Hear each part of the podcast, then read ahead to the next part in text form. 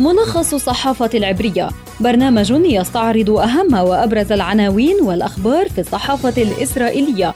ملخص الصحافة العبرية زبدة القيل والقال في صحافة إسرائيل. أهلا بكم مستمعينا في ملخص الصحافة العبرية يعده ويقدمه لكم عبر شبكة أجيال الإذاعية خلدون البروثي وأستعرض معكم أبرز العناوين التي تناولتها وسائل الإعلام الإسرائيلية صباح اليوم. موقع والله يعنون مقتل فتاة في جنين ووزارة الصحة الفلسطينية تقول إنها قتلت برصاص الجيش. هآرتس تعنون الفجوات لا تزال كبيرة. وفي معسكر نتنياهو يخشون من أن لا تكفي مهلة العشرة أيام لتشكيل الحكومة.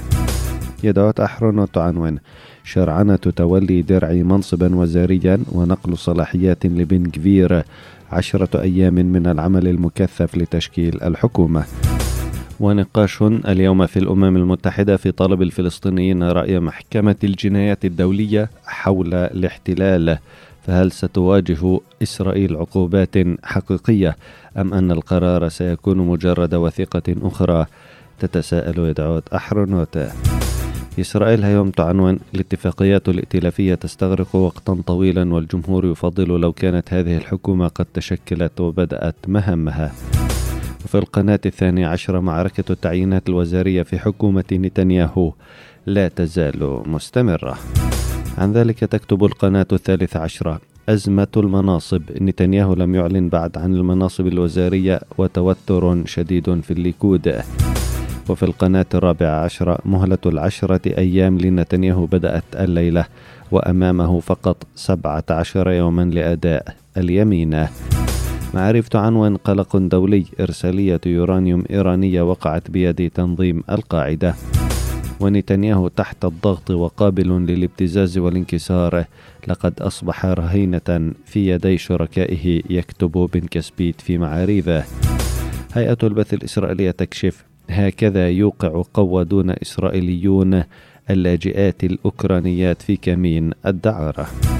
ركزت وسائل الإعلام العبرية على انتهاء مهلة 28 يوما التي منحت لزعيم حزب الليكود بنيامين نتنياهو لتشكيل الحكومة وبدء مهلة الأيام العشرة الإضافية. وقد لا تكون هذه المهلة كافية كي يسد نتنياهو الثغرات في المفاوضات الائتلافية فهو قد اتفق مع شركائه في الأحزاب الصهيونية الدينية والحاردية على توزيع المناصب الوزارية لكنه لم يوقع بعد على تفاصيل هذه الاتفاقيات مثل القوانين التي يجب أن يمررها الائتلاف الحكومي وتفاصيل الصلاحيات التي سيحصل عليها الوزراء. كذلك يجب أن يتمكن الائتلاف من تجاوز العقبات التي تمنع زعيم حركة شاس أريا درعي من تولي منصب وزاري بسبب المانع القانوني لكونه مدانا في جناية. ومحكوما عليه بالسجن مع وقف التنفيذ ويتطلب تجاوز هذه العقبة إقرار قانون خاص به وقانون يتجاوز رفض المحكمة العليا إذا تم الطعن في تعيين درعي وفي القانون.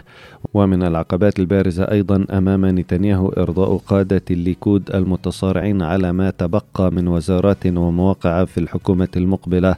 خاصة أن الليكود يشهد توترا حادا بسبب التنافس داخله وركزت الصحافة العبرية أيضا على مخاوف نتنياهو وشركائه من عدم قدرتهم على سد كل هذه الثغرات قبل انتهاء الأيام العشرة.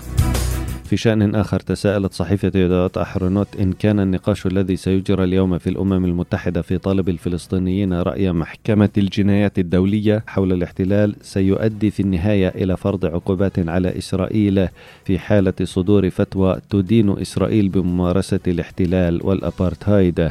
أم أن القرار سيكون مجرد وثيقة أخرى تساءلت يدعوت أحرنوت. وحسب تقديرات الصحيفة فإن النقاش في الجمعية العامة للأمم المتحدة سيؤدي في النهاية إلى الموافقة على الطلب الفلسطيني وقد يمضي عامان قبل أن تصدر محكمة الجنايات الدولية فتواها بشأن احتلال إسرائيل طويل الأمد للأراضي الفلسطينية واستيطانها وضمها للأراضي واعتمادها التمييز العنصري الأبارتهايد كأساس في التعامل مع الفلسطينيين. نهاية حلقتنا من ملخص الصحافة العبرية. كان معكم في الإعداد والتقديم عبر شبكة أجيال الإذاعية خلدون البرغوثي. أطيب التحيات إلى اللقاء.